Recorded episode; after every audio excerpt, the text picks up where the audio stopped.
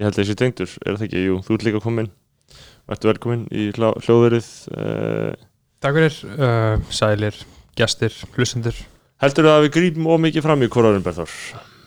Almennt, svona Uh, ég, ég, fekk komment á 78 með Lóu og, þá, Lóu og Jóa að það var ekki gripið fram í.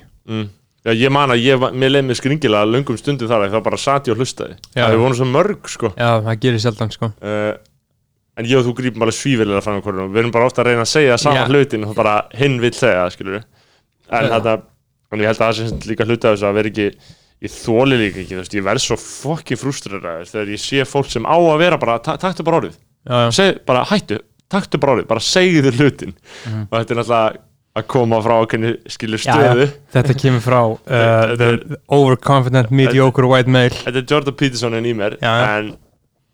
En einhver síður þá verst ég ekki þessari hugsun bara, taktu bara orðið, það er ekkert mál. Mhm. ég er einna á uh, laugadegi klukkan er 16.32 við erum á hverju skötu um, ég er að fara að opna mér um, og ég er þunnur á áhengjastyrkjum ég er að fara að opna mér uh, með opnara þá er ég að fara að opna það sem heitir uh, Naturfrisk Ginger Beer uh, Organic Ginger Beer from Naturfrisk is brewed with a unique blend of the finest ginger. No alcohol Með mitt, ég er að drekka uh, engifer kombucha. Ég vonandi að hafa heyrst Þetta er sem ég ekki sko. Þú helst þetta sem alltaf niðri sko og mækin er uppi. Uh, Það heldur, þú veist, þetta er heldur ekkert eitthvað hljóð sem að fólk er eitthvað þyrsti að heyra sko. Að hljóðið. Það er fucking weak ass drikkur sko hver í fokkanum ræður því í þessum ömurlegu fokki maturverslunum Já. að þau séu ekki með kalda ferska drikki hvernig er það kraftaverki líkast þegar maður kemur inn í fokkin stóra maturubúð Mhm.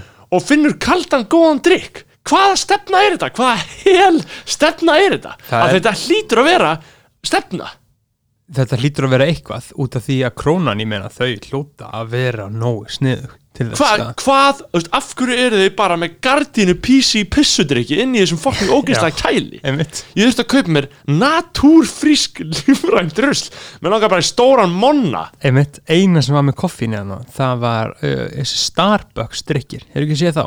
Hefur þú smakkað? viðbjör, Hefur smakkað það er þetta? svona ískaffi já, Já, ég alveg svona í- smakka svona eitthvað svona þetta er eitthvað svona shit sem minnir mér bara okkur að bensinstöð í Danmörku. Já, já, þetta er svona eitthvað ógeðslegt.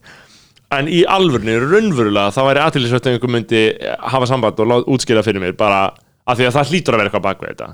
Eitthvað svona um eitthvað. Já, eitthvað, eitthvað svona um, verslunar sálfræðtrykk, sko. Hvernig getur þetta verið betra að Sko- ég get ekki kift mér kaldan og góðan held- svalandi drikk í ógíslu búðinni. þetta að- fælir mig frá því að koma í hana. Já, ég held að þið vilji að þú kaupir kassa. Nei, Hlýtur að vera eitthvað svoleið, sko. Sko vá hvað þetta er sæðilegt. Já, hugsanlega ef að maður fer þá í volgudeildina Mhm. að þá hugsa maður að ég get alveg kipt með tveimur, þreimur, fjórum. Mhm. að það er svo grótesk að gera það í köldudeildinni. Já, eitthvað er þetta en ég man að þetta- þetta eitthvað svona. Ég veit að þeim veist krónan er með stefnu ég meina þú veist þeir eru ekkert það er náttúrulega alveg úthugsa hvernig búðunar eru stilt, hvernig þeim er stilt upp. Uh, um, þeir eru með stefnu um að dæmis hafa ekki nammi við kassan þannig að börn geti ekki fara að væla um nammi við kassan skilur þeir eru með eitthvað svona holt ógeð sem er bara, þetta eru, þetta eru ógeðslegustu vörur sem ég veit um eitthvað engifers mólabitar í litlum marglita pókum ég bara myndi frekar fokkin skjóta mig en að kaupa þessar ógeðslegu vörur sem kosta 400 kall fyrir litla, litla ávaksta móla bara Já, get away from me. Oi hvað er ógeðslegt maður. Og þau eru með þetta til þess að neyða mann til þess að hugsanlega frekar kaupa þetta en nammi. Einmitt, einmitt. En og við getum svo sem alveg bara, þú veist ég, ég skil, það er bara held ég bara mjög gott að þau séu með þetta hannig Já. en með, með verstunina og búðina það er alveg fucked up sko. Þetta er mjög skrítið og um svör, óskast uh, talandu neyslu, hvað það, með sem, það sem við þurfum að gera í þessum þætti er náttúrulega sem þú sagðir, við þurfum að fara yfir lista. Já, uh, það er nefnilega sem ég svolítið sem ég er búin að hugsa um síðan uh, ég sá þetta. Já, en, en, Hérna er þetta listi. en áður en við gerum það Já, já, áður en við gerum það, þá þarna, var ég uh, að lesa það í blaðinu á föstudaginn. Mm. Að, að því við verum að tala um listlu og við verum að tala um svona staði það eru náttúrulega stóra fréttir í uh, skal ég segja þér uh, Neslu leiknum Já, með það að skeljungur hafi keift gló og brauð og kó ok. Uh, Skeljungur, sjell Já. Uh, heitir sjell sjell í dag? Nei, þetta heitir bara skeljungur En hvað heita Vestlunar?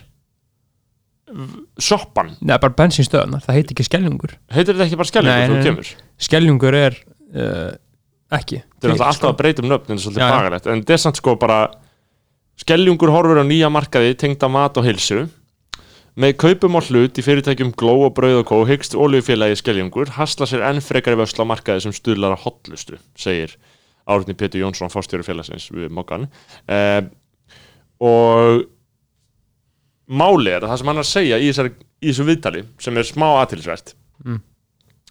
er að þú veist þau eru að kaupa þessar hérna báðar hérna keðjur, gló og, Mhm. og bröðkó verður væntalega að ókslu drasli eftir, eftir stuttan tíma Já, skilur, það er bara Ég- ég- ég- afstyrjandi farin úr þessu og gló er eiginlega orðið af ógstu drasli sko. einmitt. Uh, bröðkó með þess að líka segja, segja sumir. Sumir nefnilega segja að bröðu góð sé orðið ógstu drasli Já, sko. ég er ekki kannski nóg mít konusör til þess að bara leggja mata það. ég vil bara En- valjú sko. Ég, uh, og hann segir hérna í þessu viðtali að uh, bendir hann á að bensinstöðar fyrirtækisins standi á mjög verðmætum og vel staðsettum lóðum en að þeir séu vannýttar. Þannig vilja fyrirtæki með breyttu og auknu þjónustu framböði gera stöðvarnar að meiri spennandi áningastað fyrir nefndur og þetta er náttúrulega mjög aðtilsvægt að því að sko bensinstöðar eru náttúrulega á ký stöðum bara Já, við alltaf. allar götur Alltaf þannig að einmitt svona bensinstöðar sem eru bara það sem ferðu inn og sækja bensin það er svolítið heimskuli nýting á lóðinu fyrir þann sem er að leiða þessa lóð eða eiga þessa lóð þannig Mhm. að núna búa til einhverjum svona písi staði þú veist hvað væri, hvað, veist, það er væri- ekki fókið í fleskjól ef að bensinstöðunar eru písi þá erum við bara bókslega búið að breyta Reykjavík í Sóra og Sópa sko. þá erum við algjörlega komin á leiðarenda þá erum við hérna bara komin. við sko ég vil meina að uh, bensinstöðnar eru the eru final frontier síða, síðasta víð sko. þannig er písi mennskan ekki komin inn ef að við verðum komið með einhverja einhverja fucking þrefaldar lattea á bensinstöðar lífræn, ben, lífræn, lífræna stemningu og eitthvað svona selja úldin mat að þenni lífræn og eitthvað svona á einmitt, bensinstöðunar sko það er nefnilega það sem ég fór að hugsa mitt þú veist. Hann greinlega vill, hann er að segja þarna við ætlum að gera, þú veist. Uh, þannig uh, sko hérna hann segir að gló og brauð og kó bjóði upp á eftirsóta vöru sem fólk tengi við frískleika og heilsu. Þú veist þetta er, hann er á PC já, já, hann er að daðra við PC sem er bara bókstæðlega andstæðan við orði Já, og en, en einhver síður sko, náttúrulega bara fullkomlega skiljanlegt sjónum með að vilja hafa eitthvað almennilegt þarna, skilja, þetta maður Mhm. vill ekkert fara þarna. Og svo er náttúrulega allt bensín orðið, ég meina, hvenar, fegst þú þér síðan, síðast bensín með því að borga einhverjum fyrir að, fyrir að, fyrir að setja að Það er- gerur það ekki það- alltaf sjálfur? jú, alltaf sjálfur. Það er stjættóbeld er alltaf að gera sko. Einhver síður þá ertu svona að taka án vinnuna með því að gera ekki, sko. en hann sem gera ókipis Já, en skilur hann er á launum, fattur Já, en ég meina, ef að allir myndi hefða sér eins og þú, þá myndi á endanum allir sjá að við þurfum ekki að hafa en gaur lengur já, já, ein- ein- einmitt, þetta er eins og bara þú veist, ef þetta er ríkur þá, þá áttu að ráða þér inn uh, þernu, skilur þessi söpa, söpa pæling, skilur en, en hvað finnst þér um það? Ég meina, sumir vilja meina að sé sko stjættaábeldi bara per se að til dæmis bara ráða þærnu já, ég veit það, ég veit það. Eða láta eitthvað þrýfa heima á sér. En, en, en síðan, er, síðan er það að mótið þú ert að gefa hann vinnu, skilur þetta er, þú veist, þetta er alveg sama að, láta bensinstöð já, þetta er alveg sama þetta er sama konflikt, en og ég veit ekki hvort er réttar af, sko. Nei, við erum náttúrulega kannski í- þú veist, það er kannski ógslegt að við skildum ætlast til þess að við hefðum svar við því. Já, en á sama tíma þá náttúrulega er lógist, ég meina þetta er manneskja sem viljum vinna og þú gefur henni pening fyrir að vinna, ég, ég Já, veit ekki ég, nei, nei. þú veist, atna, atna bara þú veist ef eitthvað öfgafólk er að hlusta, endilega komið með ykkur öfgakettu, vel að merkja þátturinn síðast, var hann öfgakettur, var þetta alveg fullkonlega yfirdrifið við það ég, fæ, ég fekk illt í magan stundum eftir þetta sko, sko, ég er saman öllu sem var sagt, sko. Já, uh, þú stendur við allt. ég stendi við allt, sko. Og saman öllu sem að Lóa sagði, sko. ég er svo hrættur um hvað Jakob, Bjarn, Jakob Bjarnari og Frosta mun finnast.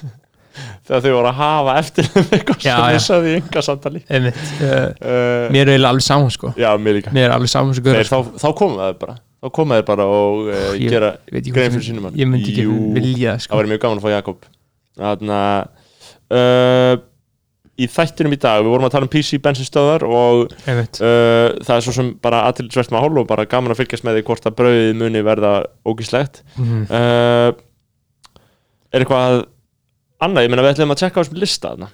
Ef ekki, ekki gera það, ok Það sem við erum í konkrétt að tala um er skjáskot á Instagram síðu uh, Lemursins sem Já. er uh, eins konar furðulegu vera, það er eins konar tímarit uh, Mhm. það hefur verið svona blogg síðu blanda og eru með gott Instagram og þeir eru með svolítið svona uh, fókus á að draga fram alls konar gamalt efni Já. miðlum og Alls menningu og list alls konar bara einhver visla sko. uh, hvet fólk til að followa Lemurinn tímaritt og ég held að hann sé með þetta hann uh, PC hjólakalla þarna Já. Okkar maður. Hver er það? jú, jú, þú veist það hvað þetta er þarna. Hann sem býr í, veist, hann er bara að taka þetta alla leið, hann býr bara í Væmar og er einhverjum hjólafræðum, ég man bara ekki nafninu stólum Björn. Uh, Akkur í fokkar með nafnin hann stóli úr mér, andskotin fokkin hafið það maður. Þarna uh, Lemurinn já, þannig að skiptir ekki öllu máli. Nei, en, svo sem ekki. en það sem að við erum að tala um hérna þetta er heldur góður sko Björn Teitsson, Björn Teitsson, þú veist alveg hvað Björn Teitsson. Björn Teitsson á Twitter, já, já, Já. já, ykkur. þarna okkar maður uh, og bara lemurinn er geggjastöf uh, þeir eru með postuðu screenshoti á Instagram um daginn að þeir stundum svona far, faraðir yfir farin veg og, og, og um, rifja eitthvað drast upp og þetta er sérst uh, úr, úr hennu góða heim, tímariti heimsmynd sem er frábært tímarit, það var svolítið svona eins og spíkel það var svona eftirherm, spíkel eftirherma um, og þjóðmál voru það svo sem líka og Mhm. það voru nokkur svona flott tímarit það er náttúrulega sérstaklega gaman að hugsa til þessa. Já, já, ef það ferðin á tímarit.is þá getur skoða bara nöys þykk og góð fréttatímarit sko. einmitt. Uh, og þetta er náttúrulega það lítur, þetta lítur að vera til eitthvað á einhvern hátt í dag. Já, það er einhver svona tímaritt sko. Á íslensku? Já, Nei, eða þú veist eitthvað, þú veist að vera að gera þetta skilur, en þetta er ekkert sem að sem, að, vekur áhuga manns. Nei, en ég er að segja, skilju, ef það væru veist, Hva, hvað með þetta sem var að gera þarna fyrir drusluganguna Já, Flóra. Já, ég nefndi Eh, ekki, að lesa skilur, en Jú, Flóra er með, þau voru með ágæta viðleitni hérna, þú veist, það átt að vera, þú veist, þetta byrjar alltaf svo fucking hrest og skemmtilegt Já, og svo einhvern veginn bara þarf að koma út blaði, þú veist, Já, já. og uh, Flóra fekk aldrei neitt borgað eða neitt eða neitt, neitt, en það, þau, voru með, þau voru með mjög skemmtilega greinar, þetta var svona bara mjög feminist og öfgakent, uh, öfgakent, skulle segja rótætt, uh, að í, í mörgum skilningi og bara ég las fullt af drastliðinu að það flóruð það kom en það var Mhm. eitthvað sérstakt, það var eitthvað sérstakt útgáðu sambandi við akkurat en að öðru leiti þá er ekki sétt að gerast í þessu en uh, þeir posta lemurinn, Björn Mhm. Teits þau posta á uh, Instagram sem sagt uh, grein frá haustinu 1990 úr heimsmynd þar sem að listi yfir hluti sem eru inn og listi yfir hluti sem eru út. Þetta er svona Já. bara svipuð svipuð rittstjórnar svipuð rittstjórnartaktar hafa verið við það eru okkar góða vinnablaði viljanum eða, eða hvað sem er æsir eða pæsir eða, nei hvað Mhm. heitir það, hvað sér já. Þannig að það sem eitthvað er inni og eða út eða heitt heitt eða kallt og þetta er klassíst, þetta er svo Já. góð leið til þess að kjarna menninguna við erum með þetta 1990 og ég held einmitt að eins og þú leiði til þá Berður, Mhm. að þú náttúrulega fannst, fannst þetta drasl mm að við myndum þá bara einmitt gera upp hvert aðri og hvort Já. það sé inn núna í dag -hmm. uh, þetta er fyrir 30 árum 1990 haustið Já. 30 ár fyrir nákvæmlega 30 ár uh, og þetta er sérst, það sem er inn og út í næturlífinu í raun og veru, þú veist það er verið að tala um hérna næturlífi, þetta er grein það? eftir Laufi Elisabetu Löfe og hún er að fjalla um uppgang dansklúpa og ólulega reifskemtana mm -hmm. og um, uh, hún er að gera því skil hvað er inn og út í næturlífinu. Já, já, en samt alveg líka bara almennt Nei, auðvitað hefur það skýrskotun í samfélagi, næturlífið er ekki nema bara speilmynd um, samtímans. Mm -hmm. uh, Ok, inn Ef að taka inn, út, inn eða, by- byrjum á inn. Byrjum á inn. Mm -hmm. eða ef ekki taka eitt inn og eitt út eða nei, byrjum á inn. Já, byrjum á inn. Ok, á, næ, á, á næturlífinu þá er inn slittnar galabusur Sko, núna náttúrulega lifum við uh, á þeim fordæmalösu tímum uh, að hver sem er, þetta hefur aldrei gerst áður nokkuð tíman í mannkynnsögunni hver sem er getur verið í hvernig gallabuxum sem honum sýnist þú getur verið í nýþröngum, þú getur verið í algjörlega útífiðum, þú getur verið í göngubuxum þú getur verið í rekkbuxum, þú getur verið í smekkbuxum þú getur verið í pollabuxum þú getur verið í nákvæmlega eins þú getur verið George Costanza joggingbuxum þú getur verið í nákvæmlega eins þú getur verið í cargobuxum, þú getur verið í nákvæmlega eins buxum og þér sýnist Ertu ekki saman á því? Jú, en ég meina All, alla buxur eru í tísku skilur sko, út frá slittum galaböksum Þær eru ekkert eitthvað svona svakalega inn Einmitt núna. Nei, nei, en, en, en ef það er smá að rifa í gafafsniðin þá er þetta drull, sko. Sko, en það sem þú ert að segja með að, veist, að fólk geti verið í því sem það Aha. uh, Ég held að það komi náttúrulega, þú veist, frá þér sem hefur kannski sigrast á uh, einhverju allan að svona þessu afmarkaða sviði óörgisins Ég meina, fólk getur ekkert bara farið í hvað sem er. Ég, Já, er, ég, að er, er ég að tala um forhundastöðu? Já, ég, ég myndi ætla það. Ég Já. af því að, þú veist, uh, fyrir mitt leiti ég á ekkert eitthvað svakalega erfitt með að fara út úr kassanum í klæðbyrðu en ég er ekkert eitthvað. Mhm. mikið í því. Og ef ég er eitthvað iffi með eitthvað sem ég er í Já. og einhver kemur og vegur að mér Sko, þú, Þá- þú hefur alltaf verið yfir gengilega órugur með Já, föti með Já, alltaf. því að ég er bara sam, samfærar um að Já. ég sé með vonda Já. fatasmæk, Já, skilur Þú hefur alltaf þannig að það er mjög auðvelt að brjóta mig niður sko. að þú hvert einu skiptið sem þú ert að klæða í yngur föt og ert á út þá efastu alltaf um það. Já, þú veist, ég uh, Alltaf. Já, og hugsa bara, þetta er eiginlega ekki í lagi, skilur uh, ég, þannig að þú veist fyrir mér, þú veist, þannig að þegar þú segir þetta að maður getur verið í hverju sem er, bara Já. ég heyri margar hlutin af því sem þú nefndir, bara alls konar bara ég myndi ekki fara í svona buksu af því að ég myndi niðurlega sjálf mig. Uh, Og ég, einmitt, eins og segir, þá er ég svona tiltölulega frjáls við því að frjáls undan því að hugsa hvað öðrum finnst þau fötum mín, sko. Af því að fólk er bara óurut á mismundi sviðum, Einmitt, einmitt. þannig að þú veist, uh, þarna er þetta bara uh, með Og- þessum og- hætti. og- og, og- sömulegis eru ekki úlingar lengur Nei, nei, og, og úlingar náttúrulega- geta ekkert verið í hvaða buksum sem er, sko. Nei, nei, já, já. Þeir þurfa bara í nákvæmlega því sem er hot shit, og ef að víða gallabusur eru það, þá er það það, skilur mm -hmm. víða gallabusur eru náttúrulega ekki það, sko. En. En- ég er í þröngum núna og þú ert í þröngum núna. Við erum Nei, í sömu ég er í regnbuxum. Já, þú ert í þessu, varst í göngum. Já, en þannig að þetta er mitt fyndið sko, uh, ef maður tala svona frá forundastöðu sko, og að að sér ekki í rauninni hvað vandamáli er sko uh, ég upplýði þetta sem sagt um daginn, uh, ég var á Húsavík Já. og við vorum í sundi og það varu, vorum sex gaurar fjórir fóru upp úr eða eitthvað, og tveir urðu eftir ofan í í smá stund. Og eitt sem var eftir ofan í eins og vegan eða borðar ekki borðar ekki fisk og síðan bara beint þegar við komum upp úr sundinu var ákveðið hvað þetta var að borða skilur. og þá var bara fish and chips skilur. og enginn hugsaði um vegan mannin skilur, að því hann var ekki að til að vernda sig já, Og- og, sinna. og, og það kvartlaði ekki að nein skilur, að, að þurfti að hugsa um hann að því hann var ekki hann skilur. Uh, og þetta er bara myndlinging fyrir allt sem gengur á í samfélaginu skilur. þetta því það er eins og bara alla bíómyndir og allir þættir eru skrifaði fyrir hvíta kallmenn. Nei, og, og, og það eru- fólki í herbygginu að taka ákvarðanir eru bara, einmitt, kallmenn út af því, út af þetta gerir skilur. Mér finnst þetta svo þetta, var- þetta, var svo þetta var svo góð kjörnun á þessu sko. Já, þetta kjarnar þetta nokkuð vel. Að bara, það kvartlaði ekki að mér í eitt sekundabrót að hugsa um hann að hann var ekki hann Nei, einmitt, og að því að hann er ekki að til að segja bara Hey, what the fuck? Já, og hann kom tilbaka og við vorum bara mættir á stað sem heit bara fish chips skilur, við bara what the fuck? Nei, þú veist, að því að viðbröðum við, þú veist, að því að það eru svo margar ákvarðanir sem eru teknar inn í einhverjum nefndum og ráðum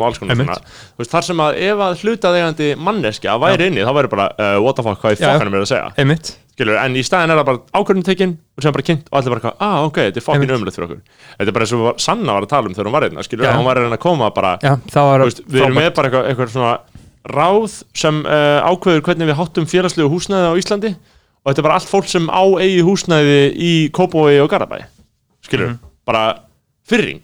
Já. bara meikar engan sens skilur, og, og, og, og hún kom því í gegn hún sanna að í fyrsta skipti þá er íbúi í þessum félagslega bókum í þessu ráði. Smá skrifin sem þannig að það er verið að shittolka hann á meðan hann er hana Já, uh, sko, inn voru, slitna galaböksu voru inn í 90s Mhm. uh, inn var, inn í 90s var líka kynlíf á næturklubunum Ok. okay. sko, kynlíf, bara, bara, Já, bara kynlíf. kynlíf sem koncept var inni í næturklubasenunni uh, ég myndi segja að þó ég sé persónulega móti ég er mikið móti kynlífi sko. eins og ég met tíðarandan þá myndi ég segja að kynlíf væri inn. Menn eru horni hann úti sko.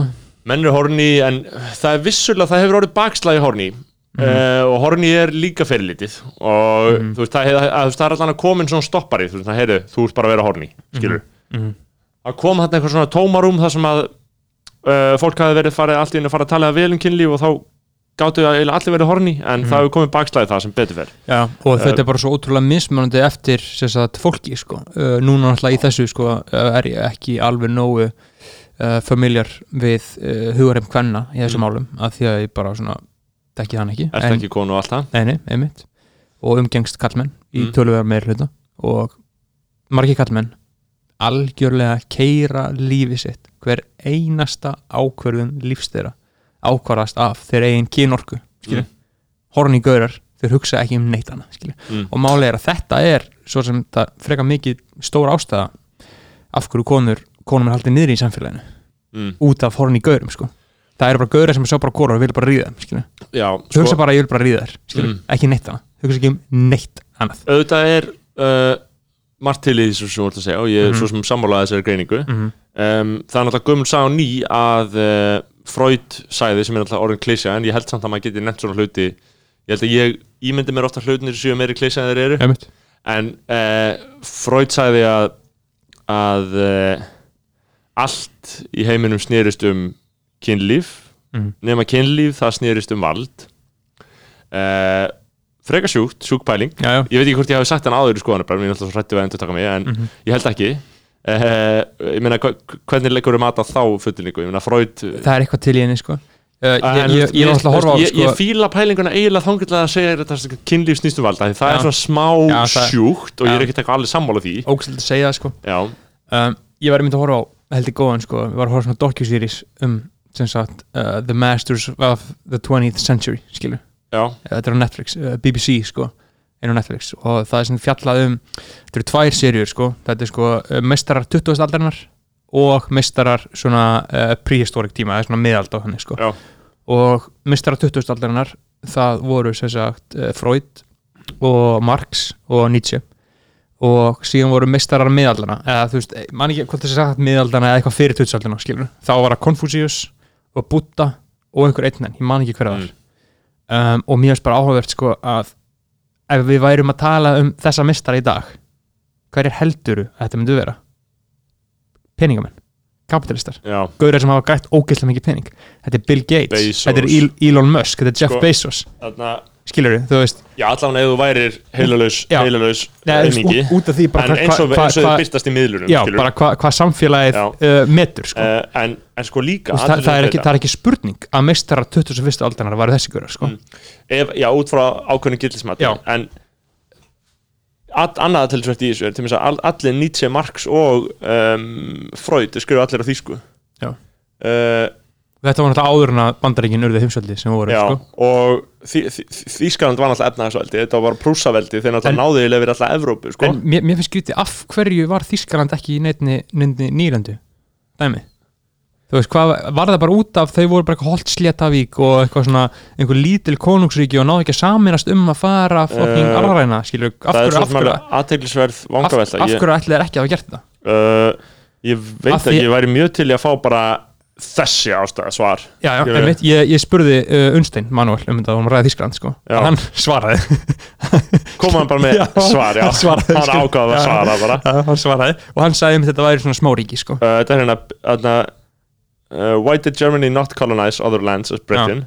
Uh, because it had too many small kingdoms which were in battle all the time. Pældi, Unstein so they couldn't colonize any other countries og svo segir hérna einmitt eins og, eins og sagt er að Germany wasn't unified until 1871 so they had internal problems to solve svo fokkin gott að Unstein vissi svaraði sko. en þú veist, málið er að núna, þú veist, ef einhver spyr mig ef þetta kemur eitthvað upp, þá mun ég segja þetta já, já, einmitt það sem finnir hvað maður fær þekkinguna sko. ég veit það, en, Eh. en, en, en málið þetta er svo gott sko, ég er mjög mikið búin að vera uh, en þetta er náttúrulega örgulega meiri hátar einföldun já, sko. já, já. En, Eh. en, mér finnst þetta svo áhverð sko, það ég er búin að vera að hu- hugsa svo mikið um þessar nýlendur og bara hvernig þetta uh, býr til heiminn, skilur já, og það er sko þetta, þetta Scramble for Africa, já, er að kallað sko, sem var í gangi árið 1880 til 1914 mm, þar sem að öll Evrópuríki heimsins voru bara að berjast um það hver gæti farið til Afríku tekið þjóðuna lát stjórna henni þar og tekið þræla með sér heim og láta það vinna fyrir sig þar. Fengi bara bókstæðlega ódýrt og ókeppis vinnuafl Mhm. skilur og í Afríku eru sem sagt 57 ríki held ég, getur þú googlað það? Hafa menn í counties in Afrika ég held að séu 57 eða 55 ríki. Og við sem Íslendingar við ólumst upp við það. 54 54, já, við sem sagt ólust upp við það bara við Íslendingar, vita það bara að í Afríku væru allir fátækir skilur, það var allir heimskir og fátækir og þau ætti ekki pening og þau ætti ekki mat og þau Va- ætti ekki vatn, Vannþróuríki, Já, þriði, þriði heimur þriði heimun við heldum bara, já þau, þau eru ekki jafn gáða við, skilur, við fengum ekki að vita af hverju, af hverju Afríka er svona Nei. fátæk og af hverju allt er í svona, af hverju ástandið er svona slæmt að það við bara, þetta var ekki, það var ekki minnst á þetta. Eina sem maður fekk að vita var bara að allir væri, maður ætla að af börnum með uppblásna maga, skilur, Já, og síðan kom, sí- og síðan kom hann að South Park þátturinn að Já, einmitt. það dótt, skilur, og manni fannst það bara ókvæsla fyndið, En skilur, sko, og maður fekk ekki að vita nei, nei, að þessar þjóðir, Bretland Holland, Frakland Portugal, Spán koma hana og fokking gjörsamlega frömdu bara viðbjóðsleðistu ógeðsleðistu mannhattursglæpi sem hafa nokt með framtíð í mannkynnsöðni og Ma sko, maður bara hafði ekki hugmynd. Nei, ma maður hefur ekki hugmynd og sko á sama tíma er að þú veist, að því að íhaldsum hugmyndafræði í dag segir ennþá, þú veist, bara svona basic íhaldsama línur að þeir hafi komið hana og bjargað þessum rík og við gerðum ekkert. Við Já. gerðum ekkert ránt uh, það eru þetta, þetta fólk sem eru við það eru við sem hana eru sterkar já. fólki og þetta er bara fólk sem er kannski fætt í Garðabæ að segja þetta. Uh, og íhaldsum hugmyndafræði segir þetta og sko ekki aðeins hafna þeir þeirri raunhæfu ásökun að ástandið sé svona slæmt Mhm. á þessum stöðum af því að við gerum þetta. Mhm. Heldur hafna þeir einnig að ástandið sé á, með sama móti gott hjá okkur af því að við gerum þetta. Já. þú veist, þú það, þú veist, það kemur mínus þarna og það kemur Mhm. plús hjá okkur. Akkurat. Og þetta er bara ástand sem er bara haldið uppi her, með herafli, Mhm. skilur þannig að þú situr auðlöslega, þú veist, þetta er, þetta er bara veldisvöxtur. Mhm. með hverjum deginu sem þú verður ríkari af þessu með hverjum á sömu dögum verða þau fátækari af þessu, skilur þannig að þú veist, þetta er algjör plús og mínus og að sögur, sögurskoðunin og bú, tilbúningur vestræðna ríkja og Íslands, Bandaríkjana hvern, hvernig sem það er, um okkar yfirburði, Mhm. það er yfirburðahyggja já, við erum betri er grundvöldin aðinni er að ljúga að við höfum ekki gert þetta svona Mhm. við stálum ekki, af því, Einmitt. hvað er þetta annað en að stela þú fer bara og se- setur upp bara kerfið stela bara á barbarískan viðbjóðslegan hátt og hneppi fólki þrældum Mhm. skilur og þú veist að þrældómin er náttúrulega þessi, afgerandi, afgerandi byrtingamind Mhm. ímyndaði fyrringuna í grundvöldin Ég veit það. grundvöldin að gera þetta. Að að sko, og þeir, þeir bara endur skrifa söguna fullkomlega, skilju veist, og, og en, en, á en, sama hátt erum við ennþá að þessu. Ég Bara, það, en, en, en það sem ég finnst að mitt fyndi er sko, að, að, mikið tala um þetta í bandaríkjunum svona, svona civil rights fólk hvernig að svona, og Black Lives Matter og allt það hvernig sjá hann var endur skrifuð en Íslandingar, eða við Íslandingar hugsaum ekki hvernig hann var skrifuð fyrir okkur líka af því að við fáum allt frá bandaríkjunum við erum í standandi 69 við bandaríkjun, Mhm. mm við fáum allt þar þess vegna fáum við ekkert að vita af þessu það er þessi bók Scramble for Africa Já. sem að á að vera uh, útskýra þetta allt sko. Ég er ég- ertu að hana? Já, ég er nýbyrjar að lesa sko. og síðan er líka, er ég hlusta á hljóðbók uh, eftir Chomsky þarna, uh, On Power, bara tala um. Power og þá var einmitt að tala um þetta sko. bara hvernig völd og hvernig sko hvernig heimsvöldastefna bandaríkjana hefur bókstaflega eða allt heiminn sko. Chomsky er náttúrulega magnaður í því sko, hann er mjög flottur í því sko.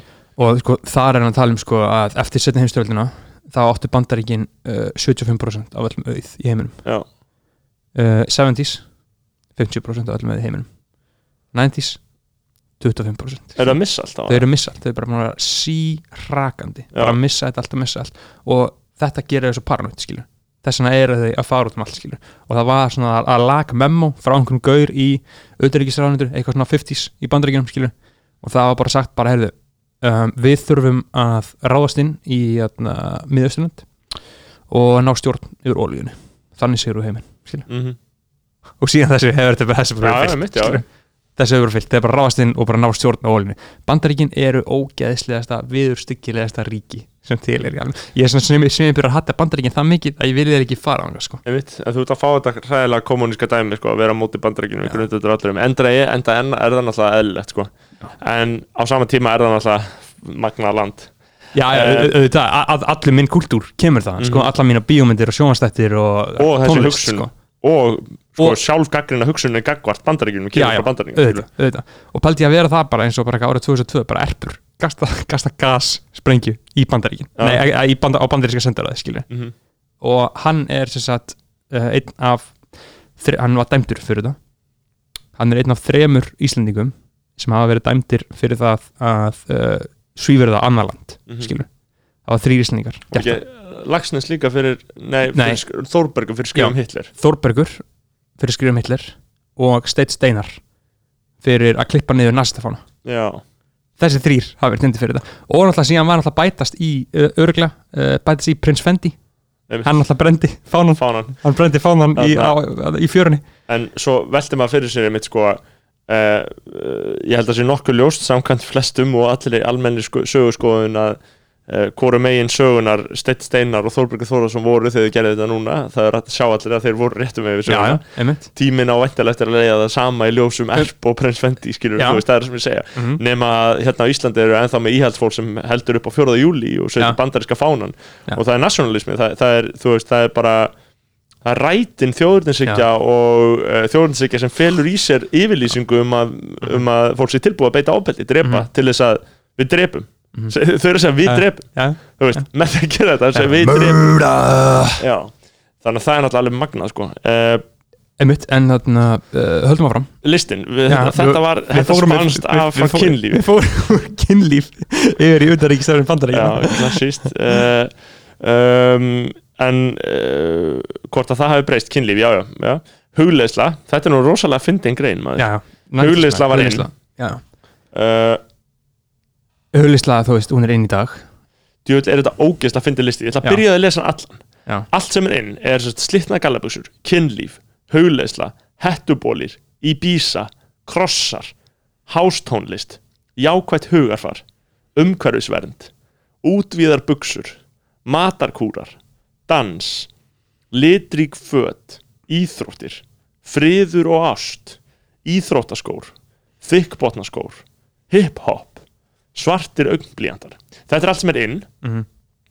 í nættiluginu 1990 og það sem er out í nættiluginu jakkaföt uppakynslaðin skyndibitastæðir draktir stríðishyggja drukkið fólk ríkfrakkar efnishyggja neikvætt hugarfar Hótel Ísland róleg tónlist stjórnmálamenn pinnahælar staðir sem loka klukkan þrjú lögreglan sportbílar óson eyðandi efni óþægilegur fatnaður og áhyggjur Mhm. Þetta er náttúrulega sko ég verð er- bara að setja props á laufi þetta er svo geðvikt Þetta er frábært Þetta er listaverk, sko. Já, já, þetta er bara þessi, alveg þessi samantækt sko. Þetta er alveg aðeinslegt sko uh, Eh, Hvað voru við komin í? Hérna? við vorum þarna í hugleyslu það var nummer þrjú sem var inn í Einmitt. nættileginu 1990 Ég er náttúrulega nýbúin að snúa mér að sko uh, nýrri tegund af huglislu sem að heitir sem sagt uh, einhverf íhun sem ég fór á námskeið hjá og þetta er bara búið að algjörlega auka lífsgæði mín uh, til muna að læra nýja tækni og í rauninni vera spenntur fyrir þessu aftur sko, að því að fyrir þá sem ekki vita sko, það eru til marga tegundar af huglislu rétt eins og til marga tegundar af reyfingu sko. Um, það sem ég hef prófað uh, ég byrjaði, hvað, fyrir svona þreymur, tveimur árum eða eitthvað, fyrst þegar ég byrjaði sko að vakna af þunglindi sko, árið 2018 sko, eftir að vera þunglindur og kvíðin tauga hrúa allt mitt líf. Og bara ekkert vita um það skilur, að því að þú veist, ég tala, tala um það sko, að 2017 hafa verið ár skeggsins og síðan kom 2018 og það var ár skilur, þá byrjaði ég huglega skilur og byrjaði ég svona hratt og öruglega að vinna í mannbætingum sko. og hvenær fórstu út til London? Ég fór út til London 2016 já. en þetta haust 2017 þá, en það sem að byrja aðal hjá mér sko, að tókstu það ekki tvö djúb skegg ár í London? Jú, bara áfengi, skyndi, bita og fytu bara í kjúklingavangjum og bara Coors Light og uh, tortellini. Já, og bara fór í rektina kannski einu svona tveggja vegna fresti en það sem að byrja allt hjá mér sko, að ég var hrúa af manni sko. ég var bara já bara fytu klessa já, og- já, bara fytu klessa þú veist, alveg, ok, þetta og- er alltaf ógeðsli fytufórtum að Já, já. segja en, En þú veist, en þú varst já, Þú veist, var, ef, ef maður kemur að það og segja þú veist, þá, þá er það alveg í já, ég var bara fytu fucking larfur sko. þetta var sko ég var bara sko, úff hvað ég var mikið ógið og þarna og hann gett sítt hár hana, og þarna var ég gett neikvæður sko, uh, og gett þunglindur og gett kvíðin en ég bara vissi ekki hvað var að vera þunglindur og kvíðin sko. Nei, og þú helst líka að neikvæðni væri eh, hinn gufu afstæða já, já, já, að það væri bara personality, sko, Já, já. þú veist, maður held það. Og málið er bara, að, þau horfðu tilbaka aðal ástæðan er það bara út af því að þú veist, ef þú ert svona neikvæður þá er það bara þunglindi út af því að það er sem að þunglindi gerur við þig þú færði ekki innblástur einstæðar, skilur þér Mm. finnst allt vera lélegt, þér finnst allt vera ah, skilur, Mm. þú, það ekkert hreyfi við þér að þú ert svo ótrúlega djúft sokkin í eigi fokking skegg að þú getur ekki orðið fyrir hughrifin einst annars þar mm. og það vindur svo ótrúlega mikið upp á sig og þess vegna verður þau svona enn þunglindari og þess vegna verður heitir ef þið þekkið einhvern sem að er skilur En, en Sjá- hvað myndir þú segja við svona manneskju sem, sem Já. líður svona? já, Hvað hann að gera? það, það er sem ég er að segja sem að manneskja sem að líður svona er bara farað, farað í sjálfskoðun skilur faraðu að fucking nummer eitt hreyfa þig, nummer tvö huglega nummer þrjú borðað holt, nummer fjör reyna að ebla tengsl við fólki í kringu þig, skilur típist eitthvað svona sjálfsjálfar bullshit skilur að vitið allir, skilur en þú veist, bara vita að það er ekki eðlilegt og það er ógeðslegt líf að, sem sagt vera, að þú veist, maður að vita allir þekking fyrir manneski, já, hún er algjör heitir eða hann er algjör heitir, já, hann er algjör heitir á sjálfan sig. þunglindur. að hann hatar sjálfan sig Það er nefnilega vandamálið, sko, þetta er ekki eitthvað svona ástand sem Nei, er bara eitthvað svona nei, basic að þessi mannski geða neikóð til allt og alla. Já, ok, hvað er að hjá henni? Hvað er alvarlega vandamál á hann við að stríða? Akkurat, og það, ég bara þekki það á eigin skinni ég var svona í 2-3 ár sko. Já, bara, þú veist, fucking sót skeggjaður sko. já, já. Uh, hugleisla, hún var einn uh, 1990 og er það ennþá núna. Einmitt, og ég, ég sem það byrjaði að huglega þarna 2018 með bara huglislu uppum Sam Já. Harris og Colm og Headspace Sam og Harris er mjög góð byrjun sem er svo sett uh, Wake Up Waking, waking Up með Sam Up, Harris bara já. í App Store, bara ef þið eru bara skeggjuð að prófa bara Waking Up með Sam Harris og hann bara kennir ykkur, Já. þú veist, aðalega bara þú veist, þið bókstæðlega þurfi bara að íta play og þá fattið, þið, já ok, ég er bara að fara að fylgja hans fyrir mölum og prófa þetta eins og síðan Mhm. Já. bara hefur þetta allt í henni byltingakend áhrif Já, þetta er algjör sérstaklega bara ef þið eru að glíma við fucking kvíða já. helvítið. stóra fucking sem skeggjaður allir er að gera, ég, ég hef ekki trúið að neitt sé undan skilin Nei, það, díla, díla allir við þetta á, á uh, mis, mikinn hátt sko. já, Og- uh, og við ég sem- listan Einmitt, og ég sem notaði þessu upp og fór sem djúft í þetta sko, og síðan fór ég út til bandaríkina Delaware fór ég tíu dagar svona við passana uh, huglislu búðir sko. Uh, hlustendur geta fundið viðtal við mig þar eða googla það þar sem ég uh, útskýri útskýri hvað var í gangi þar mjög djúft sko, googlið mig bara eitthvað 101 lag ég fór eitthvað viðtal til að tala saman og tala um Já. það. Það er, er held epist sko. Uh, og lærði þá huglislu við passana huglislu uh, fekk smá leið á henni og fór að, sagt, núna í sumar og nýtt námskeið í innkverfri íhugun uh, er að googla það, það heitir Transcendental Meditation, það er kent á Íslandi. Mm. það er mjög auðveld leið sko, það er miklu aðgengilegra en við passana sko af því að þú þarf bara að fara í tíma til þessari viku sko. Þarf ekki að fara í tíu daga þar sem þú ert símalaus og bara hugla all tíma dag. Þannig að ef einhverju er áhuga á því, bara djefu mig og ég uh, bendi ykkur rétt átt Uh, annað sem var vinsælt var uh, sem var inn á þessu tíma eru hettubólir það er svolítið advanced shit. Hettubólir það er bara eitthvað sem að Johnny Drama klæðist sko. Mm þetta er 90s, þarna ertu komið með sko, þarna eru svona, já ok, þetta er fucking mikill munur á því sem Mhm. var og var ekki. Einmitt. hettubólur, ég bara veit, ég get valla ég á smá aðrið með að sjá fyrir mig hvað það nákvæmlega er sko. það er bara eitthvað sem að Johnny Drama. Já, einmitt. Og þú veist, og ég sé fyrir mér að hettubólu sé svolítið eitthvað sem svo myndi vera kannski hvítum síðumaból undir og svona ból yfir. Einmitt, ég man þetta svona peysu vesti maður sér því? Svona peysuvesti, þú hett- veist, hetti peysu vesti svona hetti peysa peysuvesti og hettupeysu erm, já. ermalaus hetti peysa Ég man bara eftir því góðu kóti þegar einhver sagði að var það að hettupeysan væri nýja skirtan það var einhver sem já, sagði þetta ég skipta, já, það held ég víst Að það var held ég Uh, ég, það er kannski óþæra að nafn Já, já, hver það var, já. en ég man ekki alveg hver það var Já. eftir það var held ég gott sko, gott running meme sko Já. Uh, er ég á, á, í, á, í Bísa er heitt 1990 já, ok, Ég er náttúrulega eins og ég segi, sko, ég væri ógeðslega til í að veist, ok, djamið á Ibiza ég fílaði ekki, en ég væri til að taka bara, takja mánu að djam tímabil en vá, Mhm. ég verði enda að vara að drekka gær og ég er suicidal á þessu eina áfengi skeggi þetta er uh, þetta hefur svo neikað áhrif á, á geðhilsuna sko. Um, Ibiza, ég, ég fokk ekki með því sko uh, því að ég bara fíla ekki djamma sko en, Ibiza, það er en- legendary það er legendary fígura sem ég fylst með frá því ég var mjög skeggjaður ungu maður í París Mm. uh, þá rampaði ég inn á fígura sem heitir Matt Haig Mm. Breskur PC höfundur uh, sem varð mjög vinsæl höfundur fyrir að skrifa bók sem heitir til dæmis Reasons to Stay Alive. Þú getur séð hvernig þessi bók hafa til mín í bókafúni Já, beinlinis sko, Já, já. ég bara opnaði hann og mér finnst það bara áhugavert. Einmitt. og hann var að segja frá því þegar hann fekk geðróf sko, fór í geðróf og næstu búin að drepa sig. og ætla að hoppa á bjarginu Já, Já. Bísa, kannski við þetta Jú, ég, ég lesi þessa bók og aðra bók eftir hann Já. léleg sko. Setni bókin var mjög leilig sem var eitthvað sem, Notes on a Nervous Planet. ég, ég, Við eigum hana með þess að heima, ég sko. hún, er, hún er basúra Stay Alive var rosalega Já, hún var episk Ég, ég, ég, ég las sko. hana líka upp í rúmi Já. í London bara fucking stórskækjaður sko en Matt Heggi er ennþá að follow hann svona og uh, fyndin, svona, hann er svona algjört, hann er algjört political hack, sko en, Mhm. en þú veist, Er hann einhver Joe Biden demokrati, já? uh, já, það er svona eitthvað rosa mikið á móti Boris Johnson og svo framvegis en hann er alltaf breskur, sko Já, um, en hann er flottur. Uh, og ég man bara alltaf að það var á Ibiza. Þá var hann svona einn af þessum bretum sem var bara, gerði ekki annað, þetta er bara ég get, ég get vart ímyndað mér sorglegri tilveru, tilveru en að vera breti á Ibiza Mér- að djamma og drekka Red Bull í vodka inn á börum og vinna á börum. Þetta er bara, þú veist. Sko, ég- ég hugsa svo ótrúlega hlýlega til Breitlandsmaður oh, hvað var, ég eitthvað svona í setjum tíð, sko, þá uh, er ég svo þakkláttur fyrir að vera hann í London, sko Já. og kynst Breitlandi aðeins, sko. Breskri menningu. Já, þetta er algjör veistla, sko. Já, ég meina aðdáun- e- Þetta er alveg frábært, það sem er svo áhvert við þessa í bísa menningu, sko, er sko bresku rapparannir, sko, uh, Skepta, Stormzy, Dave, AJ Tracy, allir þessi gauðra, sko.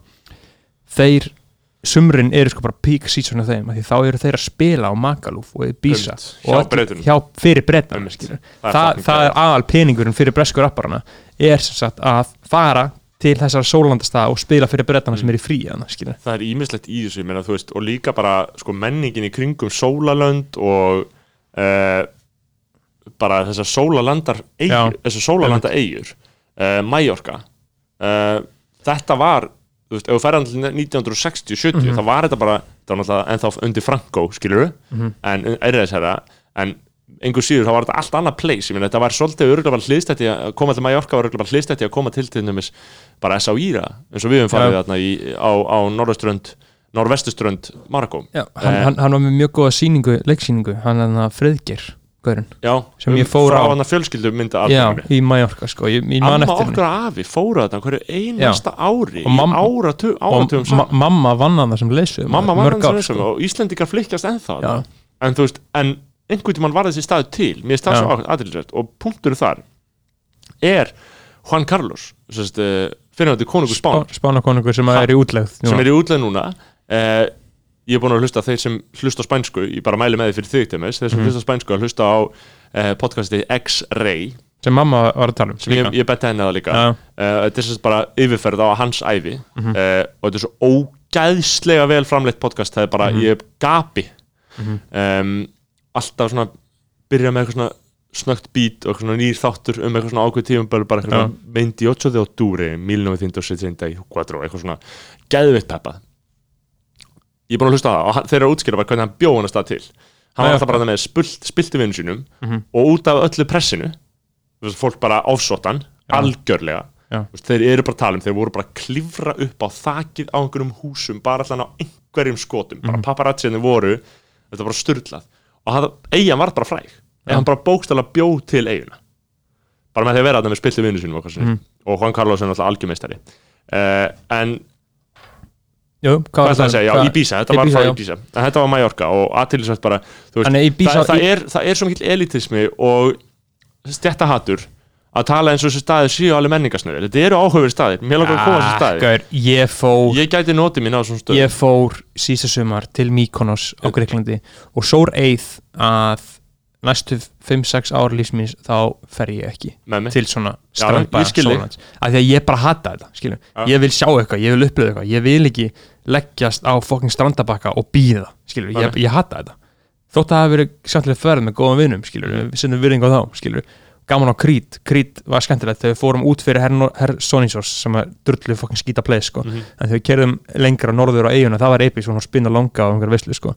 en á svona sálarlausum rottu syndabælum mm. Mykonos kærlustendur ekki fara til Mykonos þótti það hafi verið fallet og fínt sko, já, en það var bara ekkert að frétta hann já, það er svo sem mitt, ég er að segja það, en, en, ég, en ég er að segja sko, þú veist, það má ekki svifta sólarlandaferðinni Nei. sólarlandaferðina öllu gildi sinu, þetta er bara falleg, ógisleg, vestræn fjölskylda aðtöfn að fara bara vera einhverstaðar, vera blindfullur og ógislegur í nokkra Já. daga og það er viðbjöður en það er Mhm. fallegt, finnst mér. Eh, höldum áfram, krossar voru inn 1990 á, í nætulífinu krossar, það var bara krossar, Jesus piece Já. ok, uh, þeir eru inn núna já já, menn er alveg að rokka, kannski ekki hjá sko. einhverjum, einhverjum svona einfældningum sem eru á móti þjóðkirkjunni Nei. en hjá öllu íhugulu og djúpu og fallegu fólki þá Aha. eru krossar Já, já, já. fersk sko Lexi- tá- tákmynd, symbolík já, ég meina, er ekki, ekki sér tattoo sem Lex Picasso með hvað er með? hann er með Jesus piece flúra á sig Já.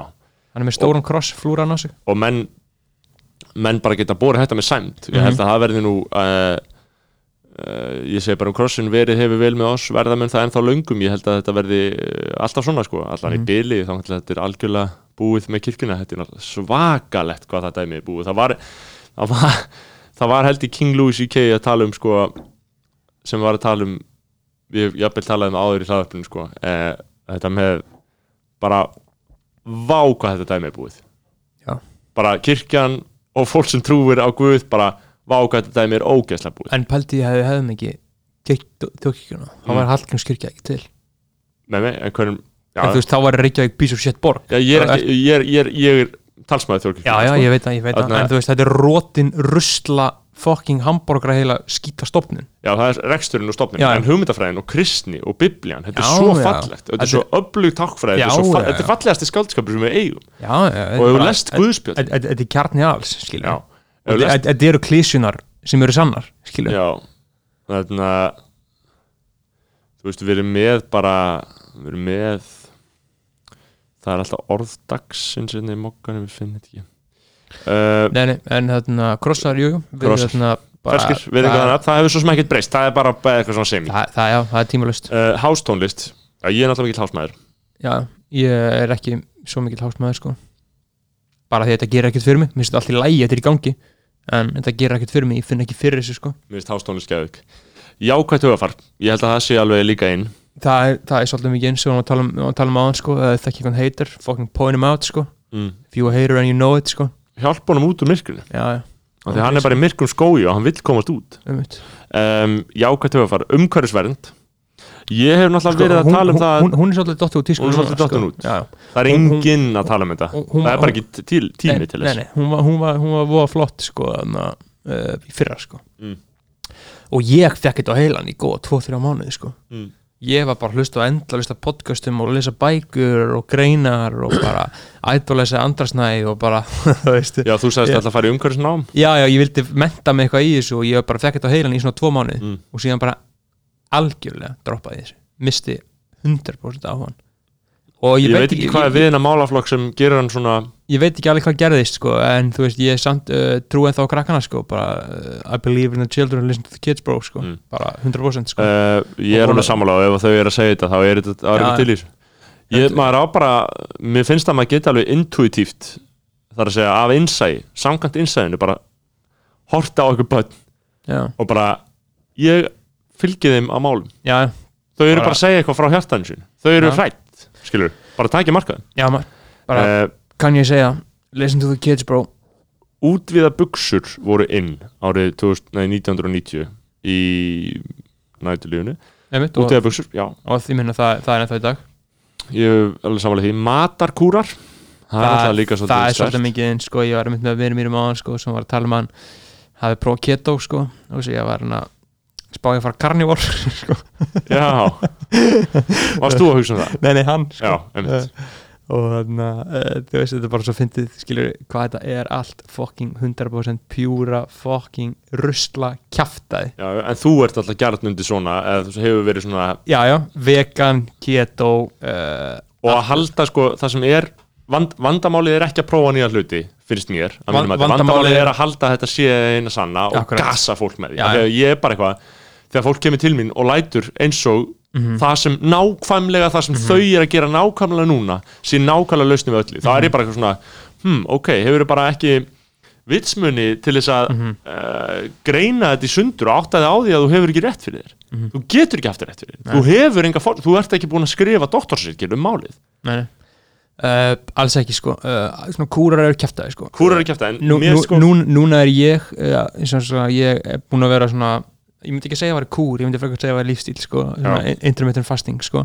Uh, er, ég hef gert það árum saman líka. Já, ég er búin að gera það núna í svona 2-3 ár sko. Ég er þetta að svindla miklu meira á kvöldinu en á morgninu Já, ég, ég, ég svindla mjög ofta á kvöldin ef ég bara leiða mér eitthvað eins eins og ég fekk mér ís í gær sko, ég trýta mig. Mér finnst ekkert betra en mið ís með luxustífu helming sneikarskurl og helming dæm og lakrís. Mér, bara, mér finnst ekkert betra í alheimum mér skellti, þessu í box og ég setja upp í mig gamla já. nei, nýja nýi, nýi er betri. Já, nýi já, já, er betri ís já, ég skil ekki já, minnloka beit um sig. já, já, já, já. hvað er málið með þetta? af hverju fóru vesturbæðingar að ímynda sér að gamli vass ísin já, bara er bara það er bara bara eins og brund.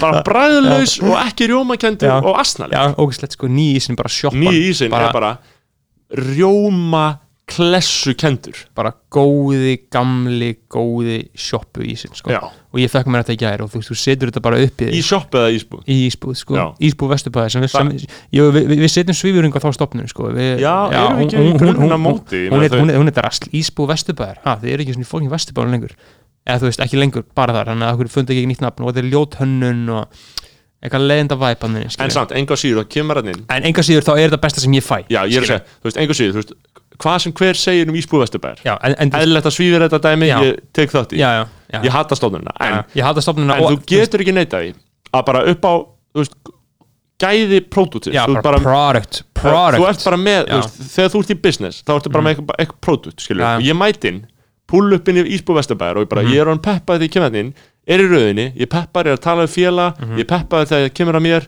Síðan er einhver 15 ára stelpa sem afgreði mig. Mhm.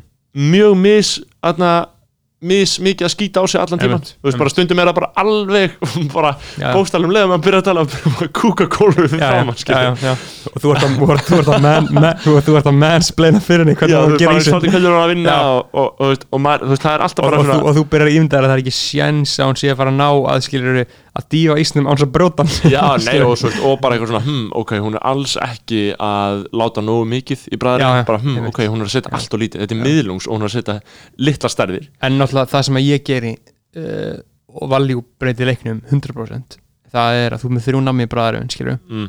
þú færið þér tvö nami eða þú færið kannski, kannski dæm og síðan tekur eitt, eitt namið það sem er helmingur hokki púlver og helmingur snickers. Og, Já, og, og það færði alltaf miklu já, meira. það fær alltaf miklu meira. Þú færið basically sex nami Ég er að fatta núna, sko, nú eru orðinir eins og öll íslensk podcast.